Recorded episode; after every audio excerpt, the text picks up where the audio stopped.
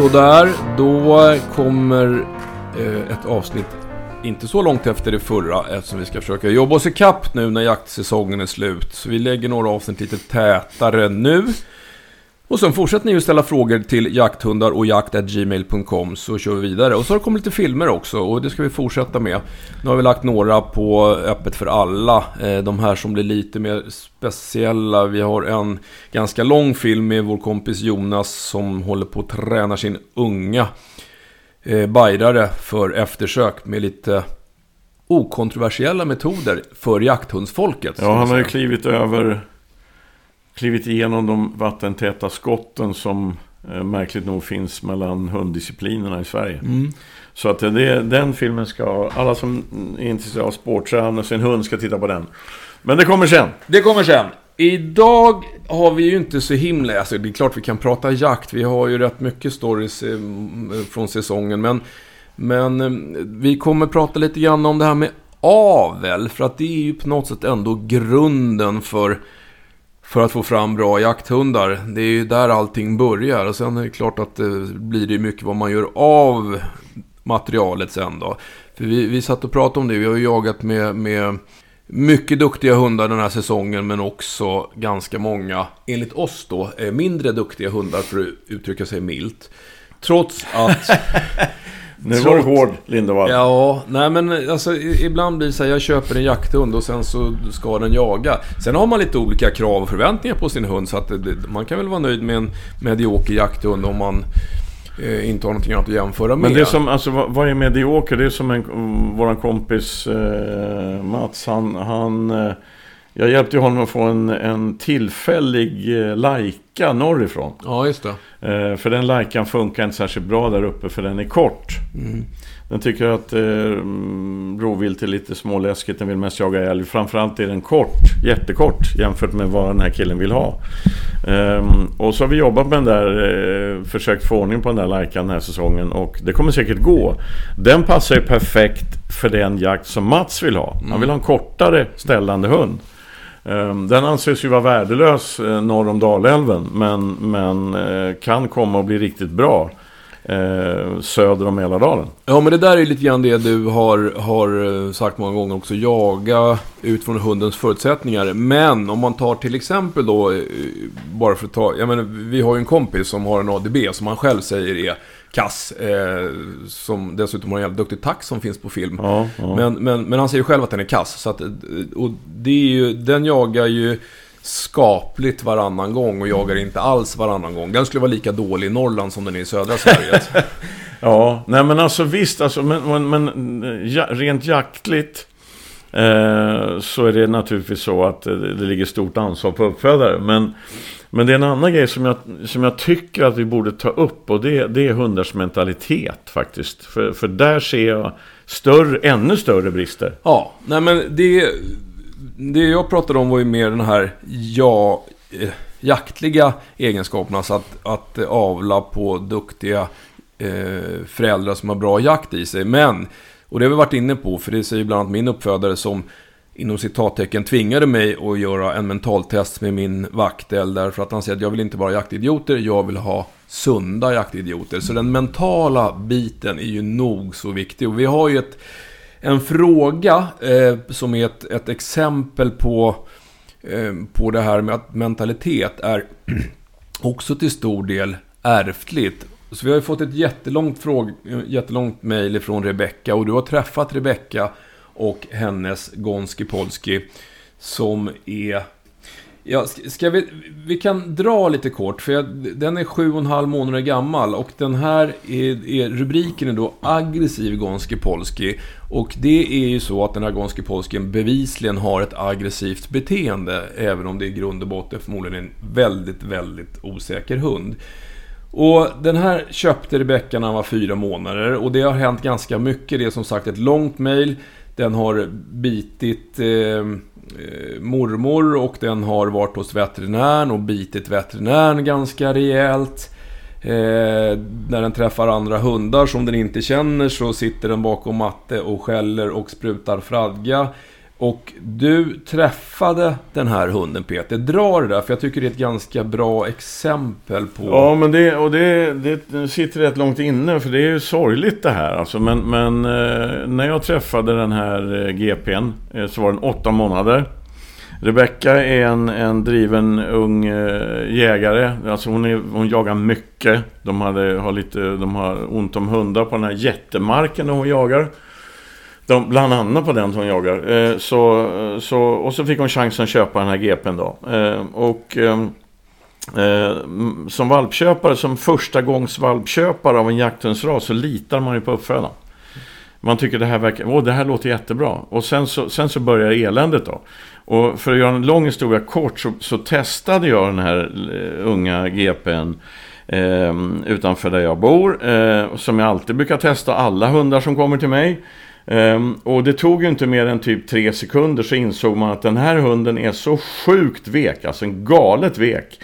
Så att den slår över till det som kallas för defensiv aggression direkt. Den ser hot överallt. Ehm, den funkar bra i familjen med, med, med Rebecca och, och de som bor i familjen. Men allt nytt liksom är, är potentiellt livsfarligt för den här hunden. Och istället för att, för att som en lite mer sansad hund visa undergivna signaler, jag vill inte bråka, så slår det över till defensiv aggression direkt. Och jag gjorde ingenting, det var inte så att jag brottas med hunden eller någonting. Det enda jag gjorde var att jag, jag tog kopplet ur Rebeckas hand och jag gick bort ifrån hunden. Alltså utan att titta på hunden så, så gick jag bort ifrån den och den gick bakom mig. Så vände jag mig mot hunden. Det vill säga min kropp mot den. Och då höll det på att smälla. Hade det varit någon annan som inte är lika snabb med att direkt släppa trycket igen. Då hade hunden suttit i låret på mig alltså. Ehm, så, så, sådana våldsamma påslag får hunden. Och sen har ju Rebecka berättat eh, vad som har hänt under de här fyra månader som hon har haft den.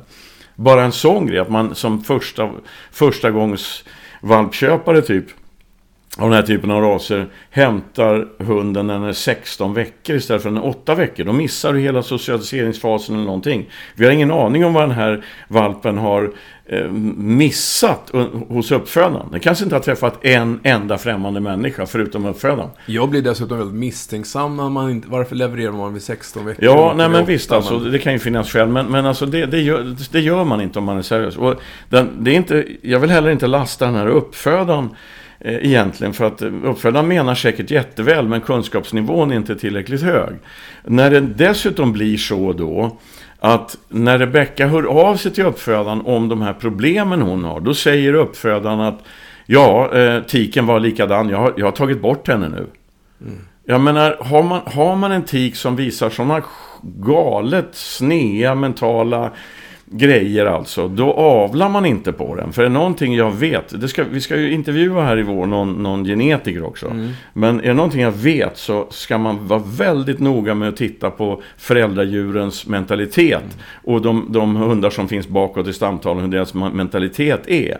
För det nedärvs jätte jättemycket. Mm. Det är min erfarenhet i alla fall. Definitivt. Och, och det, det, är ju lite intressant då, för i Rebeckas långa mejl så skriver hon ju också, nu är den här hunden ung, men han har varit en del i skogen och jaktegenskaperna eh, verkar ju vara ganska goda. Alltså, ja, den jagar han, som bara den. Ja, och, och det, det, på något sätt så verkligen förstärker det vi sa inledningsvis, att Mentalitet är nedärvt och eh, jaktlig egenskaper är till stor del nedärvt. Det, mycket på plus på jaktsidan, men den mentala sidan, alltså som du säger, man avlar inte på en tik med de mentala egenskaperna. Även om hon jagar bra. Nej, det blir skit i slutändan. Ja, det räcker ju inte med att hunden jagar bra om man inte kan hantera den. Nej, nej. Och jag menar, och, och, alltså jag träffar jättemycket hundar i jobbet. Alltså vi pratar, du vet ju hur jag jobbar. Jag träffar ju hundar väldigt många om mm, året. Mm. Eh, och den här hunden visade ett sånt, ett sånt tydligt mentalt problem som var så stort. Och, och det kanske en gång var tredje år jag träffar på det här. Ja, ja alltså, eller om det händer tre gånger på tio år. Så, mm. så, så, så stort är problemet. Och mitt jobb då, hon kommer till mig för att få ett råd. Och jag, förs- jag, jag säger inte att jag har rätt i allt, alla mina bedömningar. Men min bedömning här är att hon kommer inte klara av det här. Hon kommer tillbringa tio år med att gå omkring och ständigt vara orolig för att den här hunden ska flyga på och bita folk. Alltså. Ehm, gör man rätt och, och, och, och, verkligen vill behålla hunden liksom och verkligen jobba med det så är det klart att det skulle kunna gå. Men, men det kräver så, sån enorm insats i engagemang och tid framförallt. Eh, så har man, det går inte att ha ett heltidsjobb typ. Alltså, så, så, så stort bedömer jag problemet. Mm. Det är jätteovanligt men det sätter liksom fingret på det som jag egentligen vill säga med det här är att jag vill att uppfödare av jakthundsraser ska vara mer uppmärksamma på hundars mentalitet och allra helst mentaltesta hundarna så att mentaltest mentaltestprotokollet ligger bredvid protokollet som visar jaktprovsresultat och stamtavlor och allt det där som ska finnas på bordet när, när en valpköpare funderar på att köpa en valp. Mm.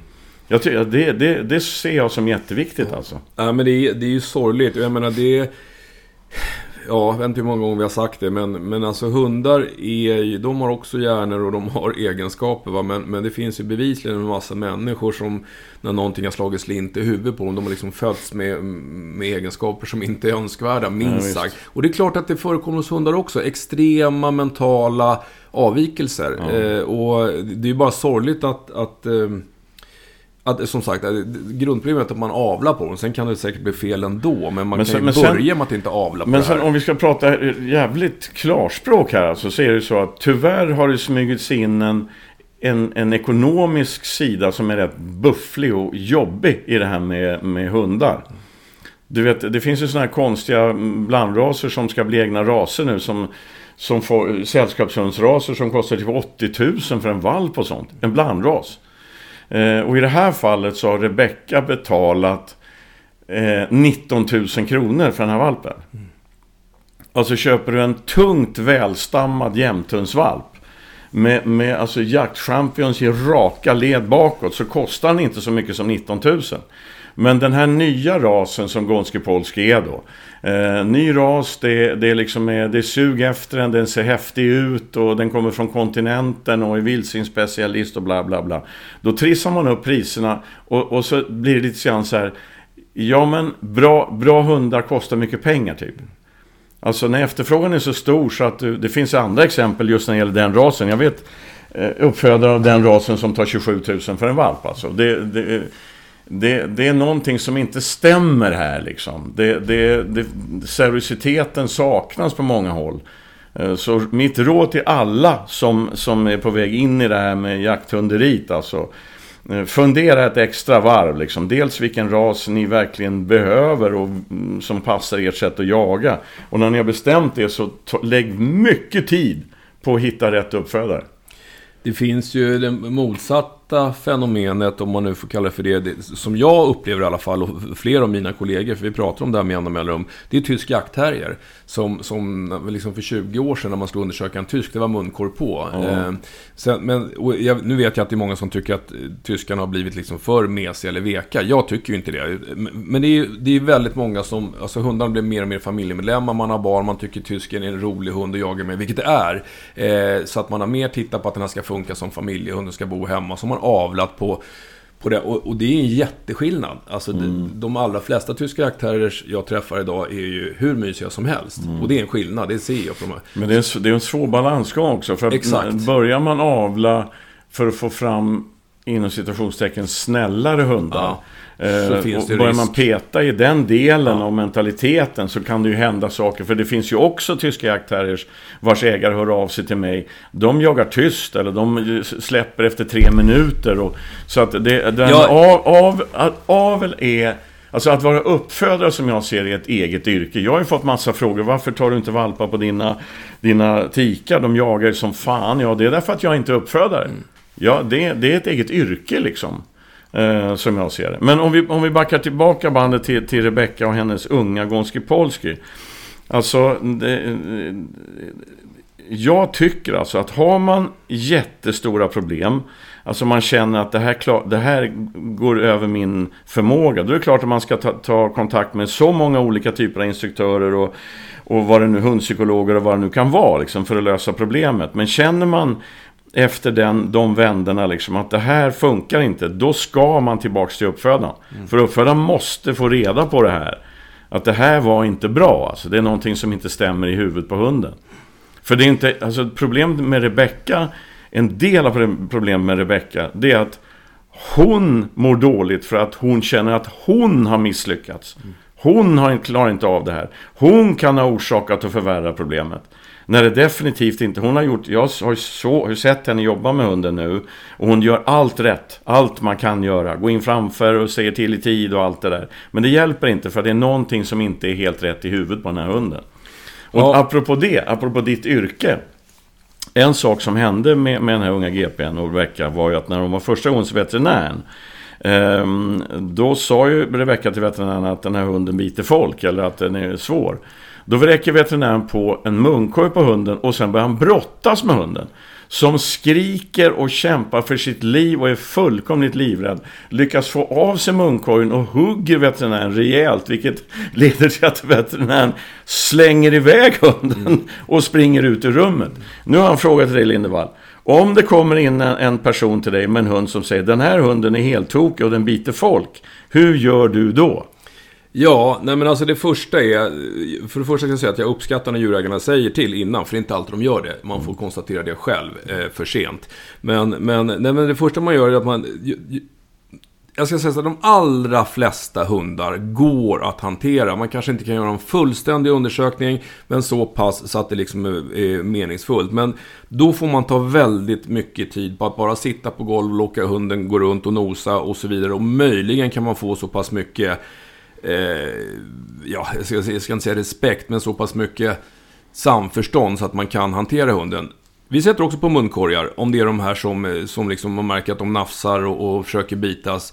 Men är det som så att det är en hund som inte går att hantera, då får man ju ge lugnande. Eh, om, det, om det är en undersökning som man måste genomföra. Då har man ju hunden lugnande. Och har man en, en känd hund som har det här beteendet, då, har, då får djurägarna ge lugnande hemma innan de kommer till veterinären så att de är hanterbara. Sen kan man möjligtvis få, få spä på. Sen har ju jag fördelen att jag har ju sån här blåsrörsgodkännande så att när de är riktigt ja, svåra hundarna, de de tar inte ens in eh, på kliniken utan de går, får gå och nosa ute, ute på gräsmattan och så skjuter jag en pil i rumpan på dem med lugnande innan jag tar in dem på jobbet. Mm. Så att, så men, att, men och, och, det här låter ju som att det är för, att, för din egen skull, för att inte veterinären ska bli biten. Men ur mitt perspektiv så är det för hundens skull. För att en hund som Definitivt. den här unga GPn, upplevelsen hos veterinären, ja, ja. det kommer ju leda till att varje, den, om, om man inte använder blåsrör på den här hunden, eller pumpar den full med lugnande hemma innan så kommer den bita varenda ja, veterinär som nej, den men alltså ser. Det, jag säga, det är minst lika mycket för, för hundens skull. Därför att få, om den går och nosar på någon sten där tio andra hundar har kissat och får ett stick i rumpan. Det är väldigt odramatiskt, otraumatiskt för hunden gentemot att man ska tvångshålla den och sticka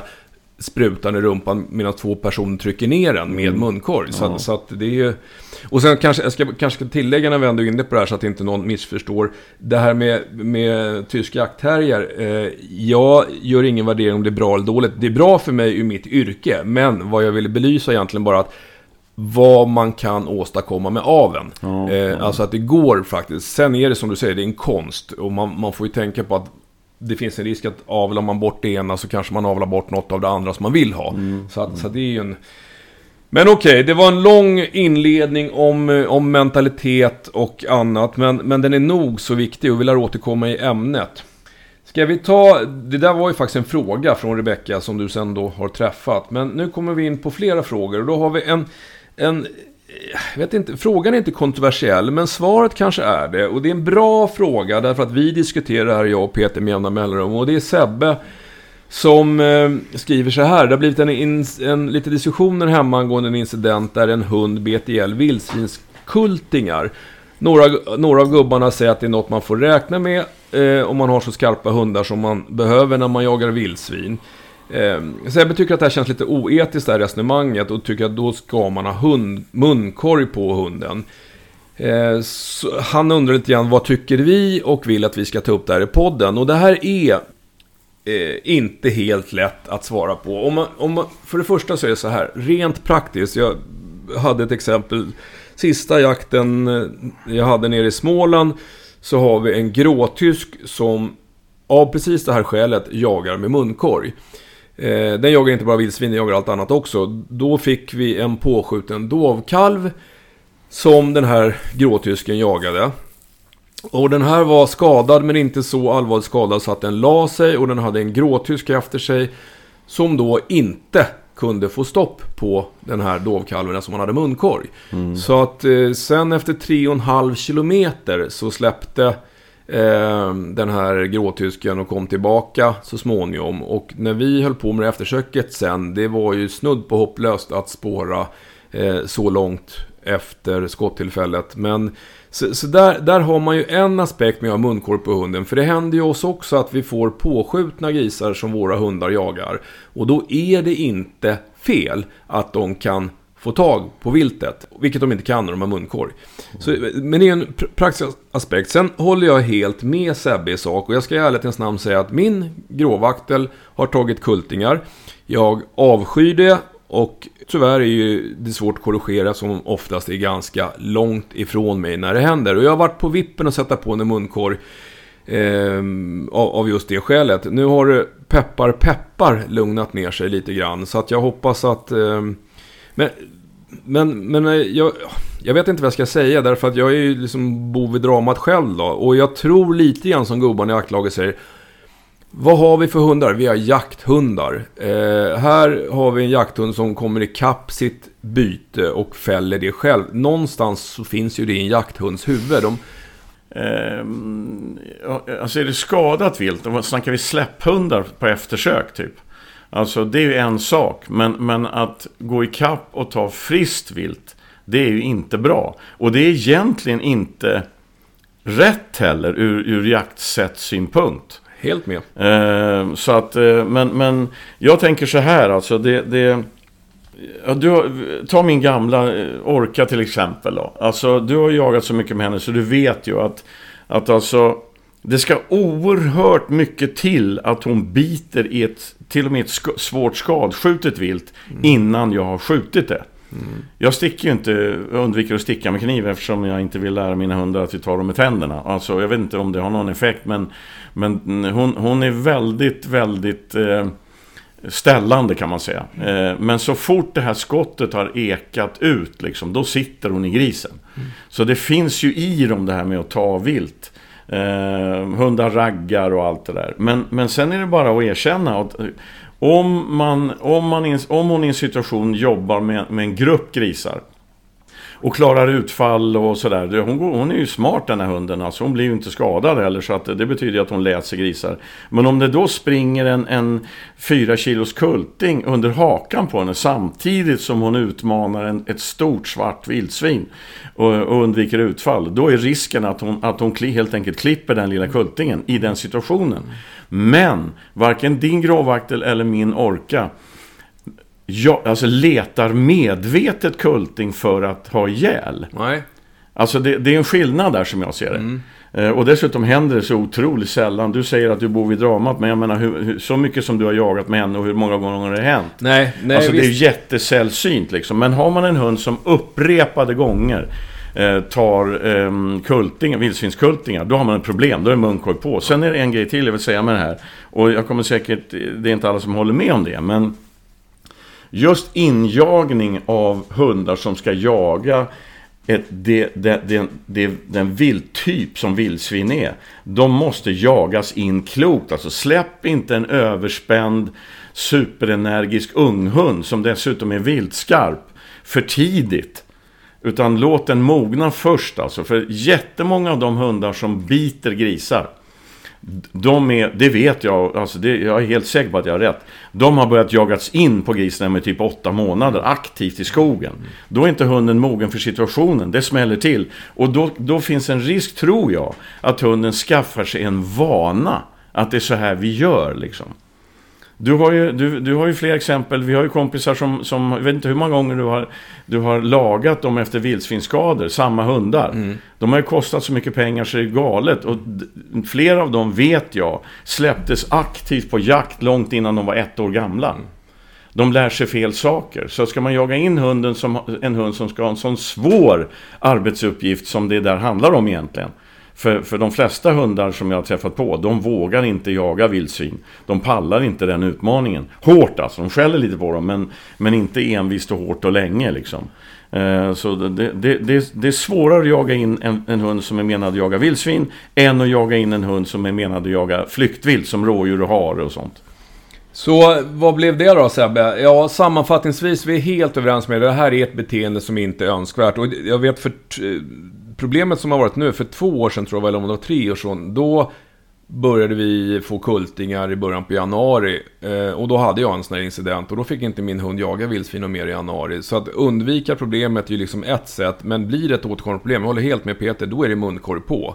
Eh, om, om man har den typen av hund som faktiskt aktivt och medvetet Eh, beter sig på det här sättet. Jag tror inte vi kommer närmare än så. Nej, men alltså just det här med injagning. Alltså släpp inte en hund tillsammans med andra injagade hundar. För då blir det stress och konkurrens och annat. Och då ökar risken att det händer. Eh, men, men, eh, men det, det är en jättekänslig fråga. Men ja, vi kommer inte längre helt enkelt.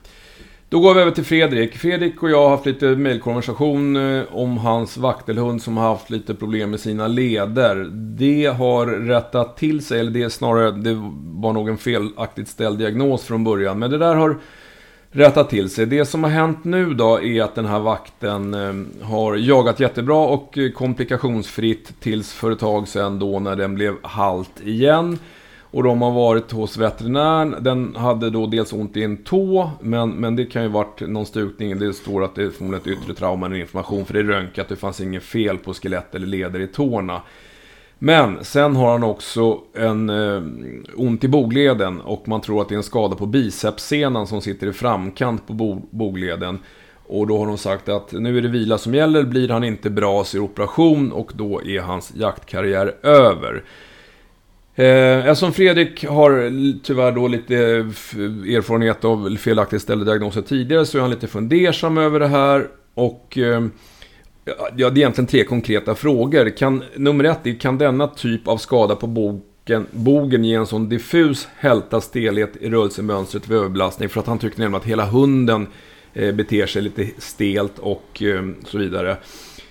Man kan väl säga så här att det, nu vet inte jag om det var samma tass eh, som den här eh, tån var skadad i, Men har man ont i flera ben då blir rörelsemönstret väldigt märkligt. Då, då hunden, liksom, det är svårt att halta på två ben samtidigt. Så att, eh, så att eh, hunden fördelar ju sin vikt på fyra ben. Har man ont i ett ben så, så blir rörelsemönstret annorlunda. Ibland blir det en klockren hälta, ibland så ser de bara stela ut. Så att den frågan är lite svårt att svara på. Alltså normalt sett så ska det inte vara så att alla benen ser påverkade ut om man har en hälta i, i ett ben. Så att, men den där är svår att svara på. De andra kan nog svara lite bättre på. För att nummer två är om det här överrörliga frambenet. Och när man har en skada på bicepssenan då kan man alltså ha Normalt sett, om jag sträcker hundens framben bakåt, jag kan inte ha en rak armbågsled och sträcka benet bakåt, utan Eh, Fälja bogen bakåt så, så är armbågsleden böjd. I det här fallet, om man kan ha en rak armbågsled och, och göra benet helt rakt bakåt, då har man en skada på bicepssenan. Och då undrar Fredrik här, kan, alltså det är lite olika rörlighet i hundar. Kan inte det här bara vara en överrörlighet utan en skadad bicepssenan? Jag tror inte det. Och det enklaste sättet att kolla det, det är att göra samma sak på båda benen. Kan du ha benet rakt på ena sidan och sträcka hela benet rakt bakåt men inte på andra sidan, ja då har du en skada i bicepssenan på det benet som är rakt. Så jämför höger och vänster. Och sen är sista frågan, och kanske den viktigaste, är prognosen då så dålig att jakten är slut? Um, nej, jag blir lite fundersam. Nu vet ju inte jag exakt diagnosen vad de har hittat på bicepssenan, men en skadad eller rupturerad, alltså en, en bicepssena som är av, brukar normalt sett inte, konstigt nog, leda till, till att jaktsäsongen är slut. Det är, finns gott om exempel på jakthundar som jagar med en antingen traumatiskt avkapad bicepssena och ibland är det faktiskt så att man går in i en artroskopi och helt frivilligt går in och skär av bicepssenan av olika anledningar. Så, så att eh, med det du har skrivit här så förstår jag inte riktigt varför de säger att jakten är slut. Men det kan ju finnas skador som, som inte framgår av mejlet. Så sammanfattningsvis, eh, jämför höger och vänster. Har du olika rörlighet i benen så är det förmodligen fel på det ena. Och jag tror, om det nu krävs en operation här så småningom så behöver det inte betyda att den här vakten har jagat färdigt. Men eh, det lär väl kanske finnas, eh, bli en fortsättning på det här. Då har vi en fråga eh, som Eh, skribenten har skrivit att vi behöver inte ta det på podden. Eh, men jag tar det på podden ändå därför att det här är inte frågeställaren är inte alldeles ensam om det här problemet. Så att eh, många kommer känna igen sig. Och det är det här med... Nu, i det här fallet så har den här vakten vuxit upp och, och problemet har väl sluppit. Funkar, eller finns inte längre.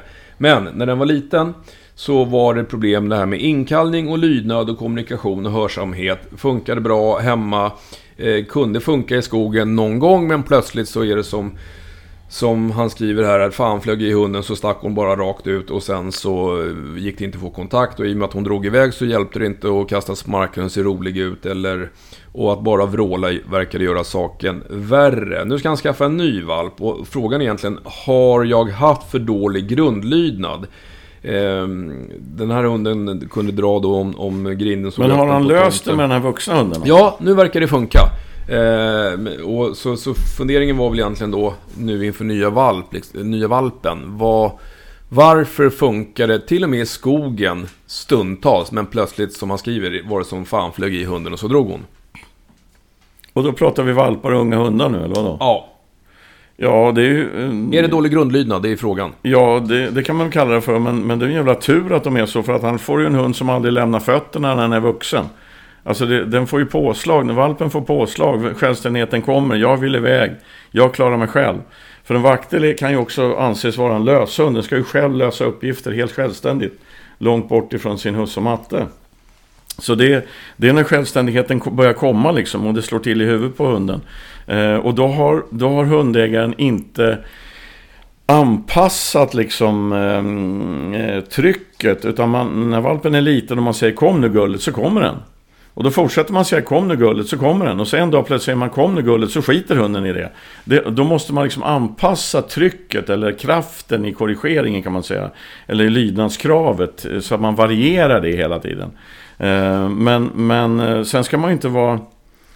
Jag har aldrig haft en löshund som där jag inte har missat den där gränsen då, då och då i hundens utbildning. Den drar helt enkelt. Eh, och då står inte jag och skriker och rullar på backen utan då låter jag den dra och sen gör jag vad jag kan för att få hem den och så tänker jag till och så börjar jag träna.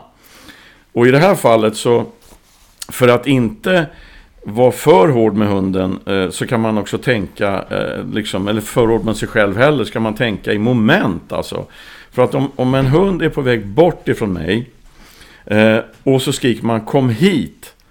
Hur många moment tvingar man hunden att göra med ett enda kommando?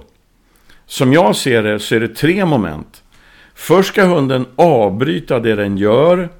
Den ska vända uppmärksamhet till sin förare och den ska börja röra sig mot sin förare. Det är tre moment i ett kommando.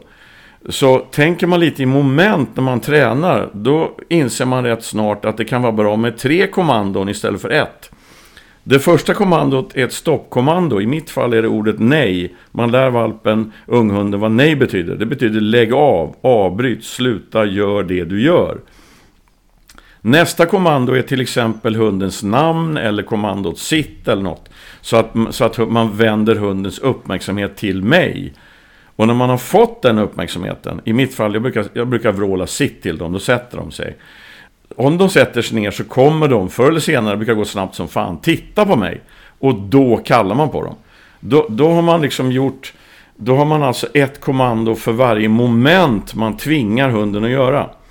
För att tänka efter själva liksom. Kom hit till en hund som springer bortåt. Då måste hunden tänka i moment. Jag ska sluta, jag ska vända uppmärksamhet och jag ska komma. Och, och jag har jämtat nu och, och, det är fortfarande så att den unga som inte är så väldigt ung längre, om två och ett halvt år drygt. Um, när en sån här sak händer och jag vrålar lita nej, då stannar hon. Sen säger jag sitt och sätter hon sig. Varannan gång så vågar jag säga kom. Men varannan gång så går jag fram mot henne en bit. Och det, det har alla som känner mig har sett det här. Lite snett emot henne en bit tills jag får så mycket uppmärksamhet så att hon verkligen lutar sig mot mig i sittande position. Då säger jag kom. För att vråla kom till en hund som är på väg åt andra hållet, det brukar, framförallt en ung hund, det brukar alltid leda till att hunden får stöd i det den gör, för den hör sin människa. Det är ungefär som, det är ungefär som du säger kom hit, men hunden hör ös på, för fan, ungefär. Eh, så, så på det sättet så har han ju haft eh, han inte har haft fast grundlydnad. Två saker. Tänk, inte, tänk i moment. Och variera trycket i lydnadskravet. För att jag vet ju hur man är själv. Kom gullet säger man till valpen så fortsätter man med det tills valpen är sex månader. Och då skiter den igen och då har man inga verktyg. Så variera det där liksom. Bra. Var det tydligt det här? Ja, det var tydligt. Det var faktiskt... Eh, vi har ju pratat om det här också förut, som så mycket annat. Men, men där tyckte jag var väldigt tydligt. Bra. Jag kanske ska fortsätta med just den varianten då.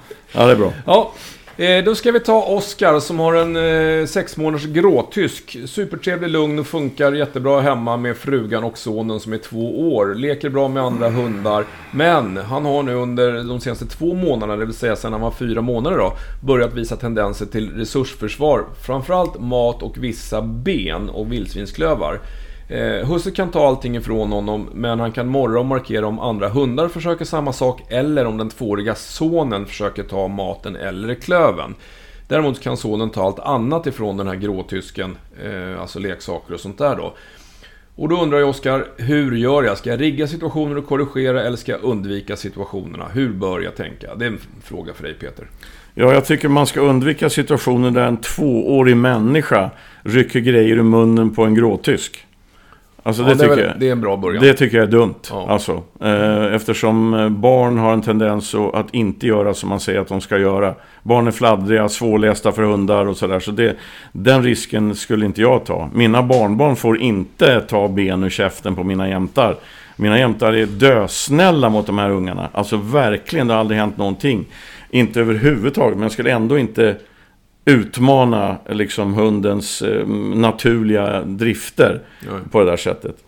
Och sen tycker jag att han tänker logiskt. Kan, kan han, kan han inte eh, vara med liksom, i situationen, då skiter han i det. Utan han riggar situationer. Eh, och, och, han jobbar på det. Han, han riggar situationer där han har fullständig kontroll och så lär han den här sex månaders valpen eh, att, eh, att eh, den inte ska bete sig om någon tar grejer i munnen på den. Det kan ju vara smart att göra det ganska snabbt efter att hunden har tagit något i munnen. Så, så att inte den här eh, tyskkorsningen har legat och käkat på ett märgben i, i två timmar och sen gör man någonting. Utan man är ganska tidig i korrigeringen för att sen belöna hunden med vad då? Ge tillbaka det. Yes, yes, yes, yes, yes. Bra, vi går vidare. Då går vi vidare. Då är det Sandra som har sin osäkra labbutik Maja som hon har varit i kontakt med oss förut om. Hon har jobbat mycket med det här och det verkar funka ganska bra nu, framförallt ute när de möter folk. Ehm, men det som är fortfarande lite grann av ett problem är när det kommer främmande människor hem så skäller den här hunden på okända människor. Eh, och då går Sandra in framför hunden och, och, och sen så ja, korrigerar och sen så får hunden själv ta kontakten. Det, och det har funkat bra i andra miljöer. Det gör det oftast hemma, skriver Sandra. Men jag misstänker, det är ingen riktigt konkret fråga här, att det inte alltid gör det. Eh, men Sandra, alltså, jag tycker att det låter, du har ju jobbat bra med labbetiken och det låter ju som att du har kommit på god väg. Och även om det för det mesta funkar bra hemma så tror jag att fortsätt bara på inslagen väg. Gör det du gör, eh, gå in emellan och eh, bryt och sen så, så, Du får bara fortsätta vara i här Hur gammal är den här labbutiken? Ja, det, det, den är ganska ung. Ja, det står ingen ålder här, men eh, för mig att den är ja, men Hon har ju koll på läget alltså. Det, har det gått bra så fortsätt bara. Var, var kanske ännu lite mer tydlig. Eh, det enda tipset jag har i, i sammanhanget är att om i den här problemsituationen, alltså de, när, hemma hos henne då när det kommer folk. Du kan ju ge hunden en uppgift. Ett kommando, sitt, ligg eller eh, något. Eh, så att den har någonting att jobba med i huvudet. Då brukar det vara lättare att, att, att, få, att dämpa liksom. Att, att den har ett jobb. För att säga sitt till mina hundar och sen går jag därifrån. Sitt betyder ju stanna kvar, typ vänta. Eh, då jobbar de ju. Det ser ut som de inte gör något, men de har ju kommando. Det snurrar i huvudet på dem. Alltså, och då, då, då dämpar man lite grann eh, liksom, eh, skällande eller vad det nu är för något problem man ska jobba med. Så kör på, fortsätt bara. Bra, Eh, Andreas har två frågor egentligen. Dels så, den ena gäller hans ettåriga ADB som han är... Andreas skriver själv att han är lite grann av ett orosmoln för att den här ADBn jagar väldigt varierande. Eh, eh, ibland är det kort, ibland är det lite längre och eh, inte mer än 15 minuter och Andreas vill ju att den här ska köra uppemot en timme. Björn! Ja, hur gammal är den? Ett år. Ja men hallå! Eh, mm, eh, nu, nu tänker vi så här. ADB ett år gammal. Långt ifrån färdig i huvudet. Vi tar det väldigt lugnt. Det är skjutet ett djur från för här, den här unga hunden redan. Ett rådjur. Den driver 10 minuter. Ha is i magen. Laja med hunden. Kör spårträning. Fystränar nu under lågsäsongen. Släpp den 1 oktober så kommer den driva längre än 10 minuter. Med nästan 100% sannolikhet. Möjligen, möjligen om det, för det här året sköts ju ganska snabbt och jag vet eh, när harjägarna, när de är ute med sina stövar, Gud nåde dig om du skjuter haren efter 15 eh, minuters rev. Jo, men det är en helt annan grej. De, alltså stö, unga stövar ska lära sig hantera tapter och allt möjligt, så att det är en helt annan grej. Ja, men vad jag vill säga är att ligger den på och börjar öka drevtiderna så, så kan det ju vara bra att inte skjuta, liksom om man känner att det här bygger på. Så att, eh, så att den får chansen att jaga en timme också. Ja, du menar så ja. ja. Fast jag, jag tror i det här fallet, när det gäller Alpländers Dashbacker som är ett år, så var det skitbra att han sköt. Ja. Och jag hade skjutit efter ett en minuts drev. Mm. För då kommer han driva längre. Mm. Det är jag helt övertygad om. Ja, Andreas, du får nog sluta vara orosmål helt enkelt. Du kan inte ha några högre förväntningar på en ettårig ADB än så här. Den har ju jakten i sig, det kommer. Jaga på bara. Och om det nu är så den 15 oktober att eh, den här hunden driver fem minuter och, väg, och skiter i att jaga sen. Hör av dig då, men den risken är my mycket liten. Sen har Andreas en fråga till. De ska skaffa en ny vovve och eh, går och funderar lite grann. Den här ADBn ska jaga allt. Nu vill de ha en rådjurshund och funderar på drever eller tax. Andreas gillar båda. Eh, ja, skillnaden mellan drever och tax jaktmässigt. Ta den du Peter. Ja, e-, egentligen, alltså när det gäller jaktsätt, ingen skillnad alls. Ehm, de ska traja nattslag, de ska mm, hitta utslag, de ska resa eh, viltet och de ska driva taktfast och spårnoga. Ehm, det finns en skillnad när det gäller jaktprov. tax ska driva i 60 minuter, dreven i 90 och lite sånt där. Va? Och den generell schablonbilden Eh, av dem, det är att dreven är lite hårdare i jakten. Alltså. Den, den, den ligger på längre och, och alltså jobbar längre helt enkelt än en genomsnittlig tax. Det är definitivt ingen 100% sanning, men det är en generell skillnad. Um, sen så är det ju så att drever är ju en extrem jakthundsras. Taxen, eh, det finns nio varianter av tax. Eh, så ska man köpa en tax då skulle jag nog lägga lite tid på att verkligen köpa en valp efter riktigt hårda jaktlinjer. När det gäller drever så, så, så, finns ju liksom inga sällskapslinjer eller långårslinjer eller dvärglinjer eller kaninlinjer. Liksom. Det, det är väl en, en skillnad också. Ja, strävhårig tax tror jag var det Andreas slutade åt av. Men det finns mycket duktiga strävhåriga jakttaxar. Ja, det gör det. Jag, jag jagade häromdagen med en. Det var en ren fröjd. Mm -hmm. Eh, Julia och Jens, de har, ja nu när jaktsäsongen är slut så tänker de köra mycket drag med eh, Laika om jag inte missminner mig. Och eh, ja, det, det, de har en, de kör tillsammans med Malamut eh, Husky Kennel och eh, de kör tydligen, oj, en till tre gånger per vecka, fyra timmars drag, fyra mil. Det är bra fysträning. Det här är väl en, en polarfråga som bara du kan svara på? Vad ja, för frågan är egentligen, de, de vill ju gärna eh, träna så mycket det går. Eh, hunden tycker det är roligt, men undrar, kan kroppen ta skada av för mycket träning? När gör den det i så fall och vilka tecken ska man kolla efter? Ja, det är klart att kroppen kan ta skada av för mycket träning, men, men återigen, hundar, fysiologin hos en hund är precis densamma som hos oss människor. Leder, skelett, muskler, ja, senor och, och så vidare. Tränar man, bygger man fysträningen gradvis eh, så stärker man kroppen gradvis. Den klarar mer och mer belastning. De som håller på säger ju att man ska inte träna precis samma muskelgrupper i samma moment två dagar i rad. Man ska eh, köra max varannan dag. Och pratar vi rent drag så ska man då helst inte dra mer än varannan dag. För att ge kroppen tid till återhämtning och att bygga, att stärka däremellan. Sen när det gäller vad man ska vara uppmärksam på. Eh, jag tycker det är jätteviktigt, för det här är ju ganska hård belastning för hunden. Efter dagens träningspass eller dragpass så klämmer man igenom hunden ordentligt. Man böjer samtliga ben och sträcker eh, samtliga leder. Man klämmer på muskler, ryggen, böjer på nacken, huvud och så vidare. Eh, så att inte hunden visar någon, några symptom på smärta någonstans. Ser man morgonen efter att hunden är stel, halt, onormalt stel eller halt, ja då kanske man har kört lite för hårt. Alltså det, det, hundar är inte konstigare än vi. Om jag har kört ett för hårt träningspass så får jag träningsverk och då är inte jag jättesugen på att ge mig på att träna dagen efter. Träningsverk gör ont. Har jag kört ett, eh, när jag börjar löpa och kört ett hårt löppass, då kan jag knappt gå i trappor om jag har tagit i för mycket. Ser man den typen av symptom på hunden så har man tagit i för mycket. Eh, men bygger man långsamt, ger tid till återhämtning, så, så är ju inte fysträning någonting... Ehm, det, det är ju bara bra. Så att så, så, det finns liksom inget konkret svar på frågan. Var uppmärksam på hunden. Känn igenom den och var uppmärksam på hur den rör sig. Vill den ut och springa igen eller verkar den tveksam? Eh, märker man efter halva sträckan att den inte orkar så som den brukar, ja då bryter man. Så att det finns inget specifikt när det gäller hundar på hur man kollar överträning, utan det är precis samma sak som när vi övertränar. Man får ont någonstans, man vill inte träna, man orkar inte lika länge, man är stel när man ska upp ur sängen eller vad sjutton som helst. Konstigare än så är det inte. Du, eh, får jag flika in en grej där? Ja då. Ehm, bara för några minuter sedan så tog en svensk som heter Van der Poel OS-guld på skridsko 5000 meter. Ja. Och vad jag fattar så är han ju ett träningsfenomen. Mm. Eh, och jag läste faktiskt lite om hur han tränar och han lägger kopiöst mycket tid, så mycket timmar på det som kallas lågintensiv träning. Jag vet inte, jag har ingen aning om varför, men, men alltså, skulle man kunna tänka så när man tränar fram en dragon som ska gå fullt ös nio timmar eller nio mil? Att, att det behövs lågintensiv träning också?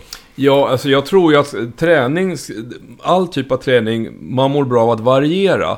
Och låg, alltså man kanske inte behöver köra maxtempo alla de här eh, milen, utan man kanske kan ha, alltså hunnit få skritta lite grann med, utan att husse eller matte sitter i släden. Och sen så kan de få köra full fart när husse eller matte sitter bredvid, brev, eller springer bredvid släden och sen så kör man full fart när så att variera träningen. Och sen ska man får inte glömma heller, det var egentligen bra att du sa det där, därför att vi pratade lite grann om, om Nils van der Poel precis innan och, och alla de här, jag- för de som är lite äldre så som vi är så kommer man ihåg Thomas Gustafsson som tog VM-guld på 5 och 10 000 meter i skridsko. Och han sa i intervjun att det handlar mest om det mentala, att lära sig uthärda smärtan när mjölksyran kommer. Ja. Och, och det är fantastiskt att liksom, det skriker i benen, det gör så jäkla ont av mjölksyran och ändå skjuter man ifrån allt man kan i tre varv till. Men det var vad jag skulle komma till. Har man en hund som tycker att det är så jäkla roligt det är precis samma sak som att jag kan se min gammeltik, hon, hon har ju artros och hon haltar eh, lite relativt frekvent. Men när hon springer i skogen, då ser jag ingen hälta alls. Alltså har de jäkligt roligt så kan de ju förta sig därför att de är så inne, jaktlusten i det fallet, eller om man har en draghund som älskar att dra. Den kan liksom göra lite mer än den borde för att det är så himla ja, kul va. Och ja. då måste ju husse eller matte bromsa. Ja, Det är därför det är så viktigt att man har koll på dem. Har man då kört ett pass, han har ju skrivit det här, att man stannar och ger dem lite vatten. Märker man efter vattenpausen, mm, lite stelt att gå igång, ja då kanske man inte ska köra två mil till liksom. Okej då, Jonathan. Han har varit i kontakt med dig Peter i slutet på förra året någonstans, eller i slutet på november. Han har en schillerhane som gjorde utfall mot den valpen han har införskaffat, som också är en hane. Och då gjorde han, han fick tips från dig att spärra av i huset, det gav bra resultat och det har varit lugnt nu i ett par månader. Men nu börjar det här krypa tillbaka, det här beteendet hos, hos den äldre schillerhanen. Han mår åt valpen när den kommer i närheten, husse går snabbt emellan och sen går han därifrån. Men det börjar bli lite ohållbart. Valpen, han vill inte ha en valp som han skriver som måste trippa på tå för minsta lilla. Och den här äldre hanen börjar närma sig tre och valpen är nu nio månader. Ja, vad gör man Peter? Ja, eh, jag skulle vilja träffa den här skilderhanen eh, för att kunna svara bra på den här frågan. Eh, men, men generellt, rent generellt är det så att en skiller är ju som nästan alla andra hundar. Han är tre nu, vilket innebär att nu har han blivit vuxen. Nu, nu klarar han av tydliga korrigeringar. Nu kan, nu, det här, eh, som jag ser det här så det enda sättet att lösa det här är ju korrigeringar. Det gäller bara att rikta korrigeringen åt rätt håll så att man inte så att inte båda hundarna tar åt sig för då blir det förvirrat. Tala om för den här skilderhanen att han ska lugna ner sig. Ehm, I de här situationerna. Och Det, det handlar ju också återigen om att rigga situationer där man har kontroll och sådär eh, men glöm inte att belöna skilderhanen. Glöm inte också att, alltså mycket tydliga korrigeringar, nu menar jag inte våldsamt på något sätt, men tydliga fart emot korrigeringar eller nej-kommandon eller vad man nu väljer. Liksom, eh, riktad helt och hållet åt den här vuxna hunden. Men glöm inte att belöna. Så att han liksom se, ser värdet i att skita i valpen. Att inte hålla på och uppfostra valpen för mycket. Eh, sen kan det också vara så att det här problemet också delvis i alla fall har att göra med fysiska omständigheter. Det vill säga problemet är säkert större i till exempel en del av huset, i köket eller nära den här hanhund, vuxna hanhundens mm, bädd eller någonting annat. Och kan man identifiera några sådana ställen, ja då talar man om för valpen då korrigerar man valpen. Att i de här i köket eller vid mm, skillerns bädd eller vad det nu är för någonting. Där, där, där ger man fan i den här vuxna hunden. Eh, så det är inte säkert att, men, men återigen, det här är generell, ett generellt svar alltså. För att det, jag, jag, känner ju inte de här hundarna så att jag vet inte. Men, men jag skulle lägga ett korrigeringstryck både på den vuxna hunden och på valpen beroende på situation. Och om man kan identifiera ställen i vardagen där, där skilden uppenbart blir irriterad. Då kör vi på det. Och då har vi ett mejl från Emily som eh, jag har haft kontakt med via mail från någon forstervalp som bröt en tå som vi har diskuterat lite grann fram och tillbaka. Men det har läkt och återhämtningen har varit väldigt bra. Bättre än vad jag vågade hoppas, säger Emily. Eh, den här forstervalpen är eh, fem månader. Men det är, om man bortser från tån då, så mm, är det lite andra saker som stökar till det. För att Emily, de har också en boxerhanne som är nio år. Emily skriver själv att hon aldrig upplevt att den här boxen är speciellt tydlig i sina hundsignaler eller sitt hundspråk. Men han har varit väldigt snäll mot valpen, kanske lite för snäll eh, emellanåt då. Men nu är det ett par saker som Emily upplever som ett problem. Valpen får något, som Emily skriver, infall ett par, tre gånger om dagen och skäller ihärdigt, typ ståndskall på boxen. Antingen så placerar valpen en leksak nära boxen och skäller för att han vill ha den men inte kommer åt den. Eller så tar boxen leksaken och då skäller valpen för det. Det här, Emelie tycker att det är lite stökigt och de har försökt att aktiverat aktivera någon av hundarna med någonting annat och då oftast valpen och då har hon lyckats bryta det här beteendet. Så det blir en belöning att, att aktivera valpen när den beter sig dåligt. Hur bryter jag beteendet på riktigt? Peter ska få svara på det här egentligen, men alltså jag, din valp, jag, den beter sig kanske dåligt ur, ur, ditt perspektiv. Men den här valpen, jag tycker det låter klockrent som att den här valpen försöker få igång en lek med boxen. Det här är klassiskt. Alltså min unga hund, håller, hon är ett år och nio månader. Hon håller fortfarande på så här hon vill ha igång hundar och leka. Ställer sig framför och hoppar och skuttar och skäller.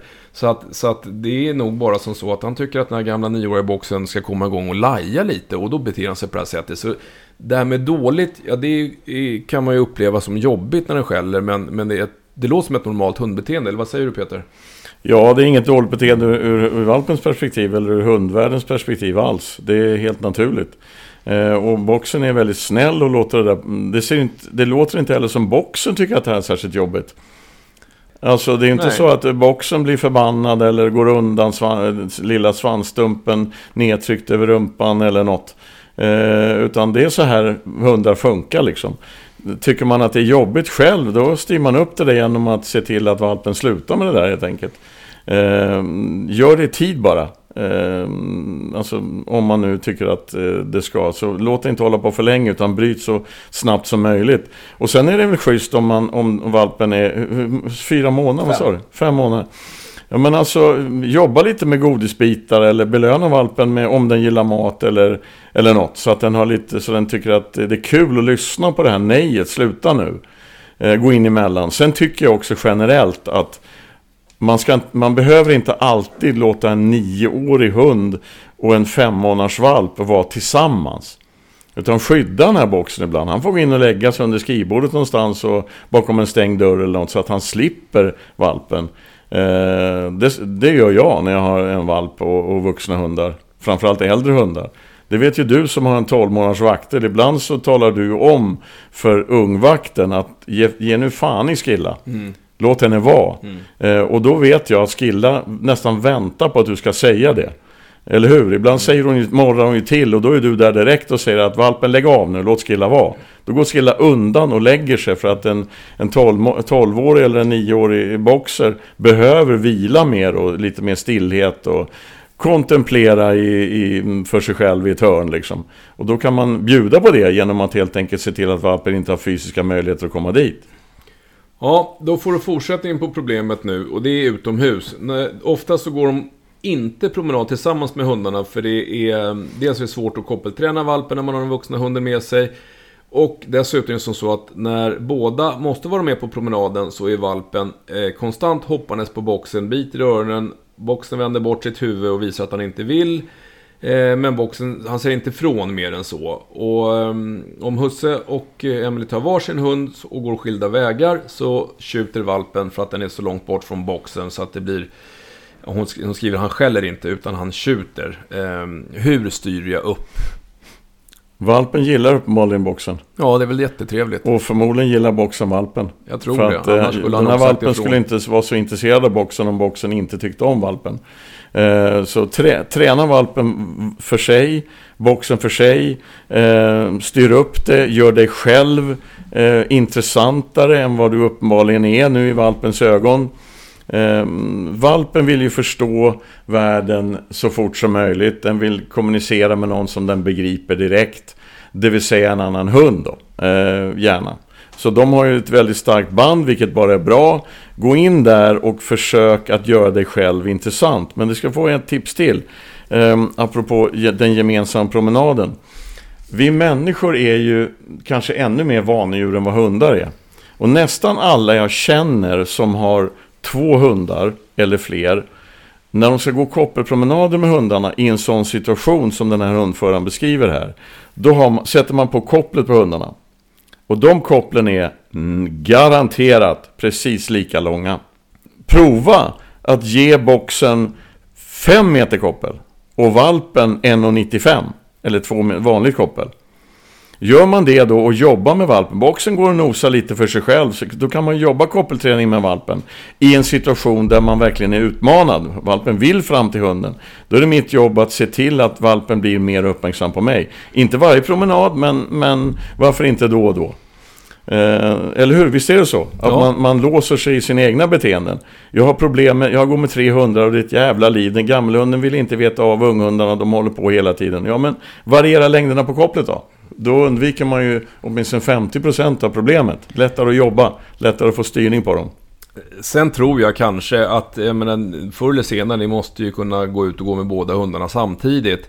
Eh, boxen vrider bort huvudet, ja han kanske inte tycker det är jättekul, men skulle han bli tycker att det var allt för påfrestande så skulle han nog markera. För du skriver någonstans i mejlet att han har börjat markera när han försöker knycka mat. Så jag tror mm. att han skulle markera. Så att någon gång känner jag att, ja, men ta ut dem på promenad på något roligt ställe i skog eller någonting sånt där. Låt dem hållas, eller låt valpen hållas. Jag är rätt säker på att den kommer tröttna så småningom och börja intresseras för annat i omgivningen. Ehm, och sen är den i fem månader alltså. Ja, det, det, det, kommer, det, det, här kommer ju att ge Om sig. två månader kan den vara helt ointresserad av boxen och istället ja. söka sig utåt på andra Leta sätt. Leta fåglar och ja, annat. Visst, ja, visst. Nu ska du få en fråga som Erik själv skriver kanske är helt tokig, men han skriver ändå. Och den är kort och koncis. Beagle på vildsvin? Frågetecken. De vill skaffa en hund, eh, sambon är helt såld på Beagle och eh, han hade helst velat ha en ADB men, men eh, tycker, ja, han har inget emot Beagle heller. Och han har läst på nätet att en del beaglar jagar vildsvin. Vad säger vi om det? Ja, varför inte? Ja, ja, men han, man, man, alltså, han vill ju ha en ADB för att jaga vildsvin med och en ADB Eh, det är klart, de, de ser ju lite olika ut ADB. Det finns de som är höga och låga och det, de är inte så enhetligt fysiska. Men de flesta ADB har ju relativt korta ben jämfört med kroppen. Ungefär som bigen. Eh, det är ofta, de är rätt lika byggda om man tänker efter. Mm. Så varför inte? Mm. De har samma jaktsätt, de drivande, det är drivande hundar. Jag kan inte se. Utan det handlar nog mer om mentalitet, tror jag. Hitta en bil som vågar jaga vildsvin. Ja, precis. Eller som har det i sig liksom. Och, och prägla och sådär. Eh, jag tycker väldigt mycket om rasen beagle måste jag säga. Alltså ja. generellt är det väldigt få beaglar jag har träffat, och det är ganska många, som har sådana här problem som vi har pratat en hel del om idag. Alltså mentala problem eller något. De är otroligt stabila oftast. Ja. Och, och skitkul att jaga med. Det är ju riktiga jaktidioter alltså om man, om man, om man ger dem chansen att bli det. Så var, varför inte? Varför inte? Och då när det blir dags så småningom, då har vi det här med prägling och leka med vildsvinsklöver och dra vildsvinsspår och bejaka det där då. Och så får du väl se vad, vad som finns i bigen. För det är liksom inte genetiskt eh, alla viglar jagar vildsvin. Men, men definitivt så kan de göra det om intresset Jag kan inte se finns. att det är någonting som talar jättemycket emot det. För att jag känner många ADB som inte överhuvudtaget vågar gå i närheten av en vildsvinslöpa. Ja, ja. Så att eh, det, det, det är nog inte ett sämre val, det tror jag inte. Då kommer nu en fråga som vi inte kan svara på. Ska vi ta den då? Ja, det tycker jag absolut. Ja, det är Olivia som... Eh, hon har en... Eller hemma finns det en Bracco Italiano som är tre år. Och nu ska de i maj få hem en liten Basset Bleu de Gascoigne. Och eh, Bracconen är redan aktiv i jakt, men hon undrar helt enkelt om vi har någon erfarenhet av Basset Bleu de Gascoigne. Jag har det inte. Nej. Eh, inte du heller. Nej. Eh, så, så att här, tyvärr Olivia, vi kan inte ge så mycket. Alltså det här är ju en Basset med egenskaper så som Bassetarna har. Alltså ursprungligen en packhund. Eh, Jag tror att den är ganska mycket packhund, ärligt talat. Det Ja. lilla jag vet om den. Jämfört med till exempel fovvar och sånt. Eh, Men, men det vet jag. Sen tror jag också att den här hunden är... Den är mer lik Basset Hound. Än, Exteriört ja. Ja, och jag menar också, också jag tror att den, den är, om jag minns rätt nu så har den ett sånt där tungt skall också. Härligt. Alltså ungefär som eh, Basset Hounden har. Så prova och gör så här. Skaffa den här blö, blö, jag har skrivit BLÖ, men det stavas säkert inte det. Blö de Gascogne. Eh, och, eh, och jaga med den och hör av er. För att det är kul att höra vad det här är för något. Nu är det här en liten ras, och vi, och, så det kanske inte finns så himla många uppfödare att välja på. Men vi säger som vi alltid när man ska välja de här smala raserna, att, att lägg stort eh, jobb på att sortera bland uppfödarna och eh, avelslinjerna. Så, ja, nej, vi, tyvärr Olivia, lycka till säger vi bara och hör gärna av dig vad det blir av det. Och alltså, hör av er också, vad fan jagar en Blö de Ga- Gascogne? Allt som rör sig eller? Pack, ja, packhund från Frankrike, jag skulle tro det. Ja, Peter, ska vi ge oss här? Vi har ju lovat, och det ska vi, att återkomma med ytterligare ett avsnitt inom relativt snar framtid så att vi börjar jobba kapp i frågebanken. Bra, då stänger vi butiken. Om någon. Frågar oss.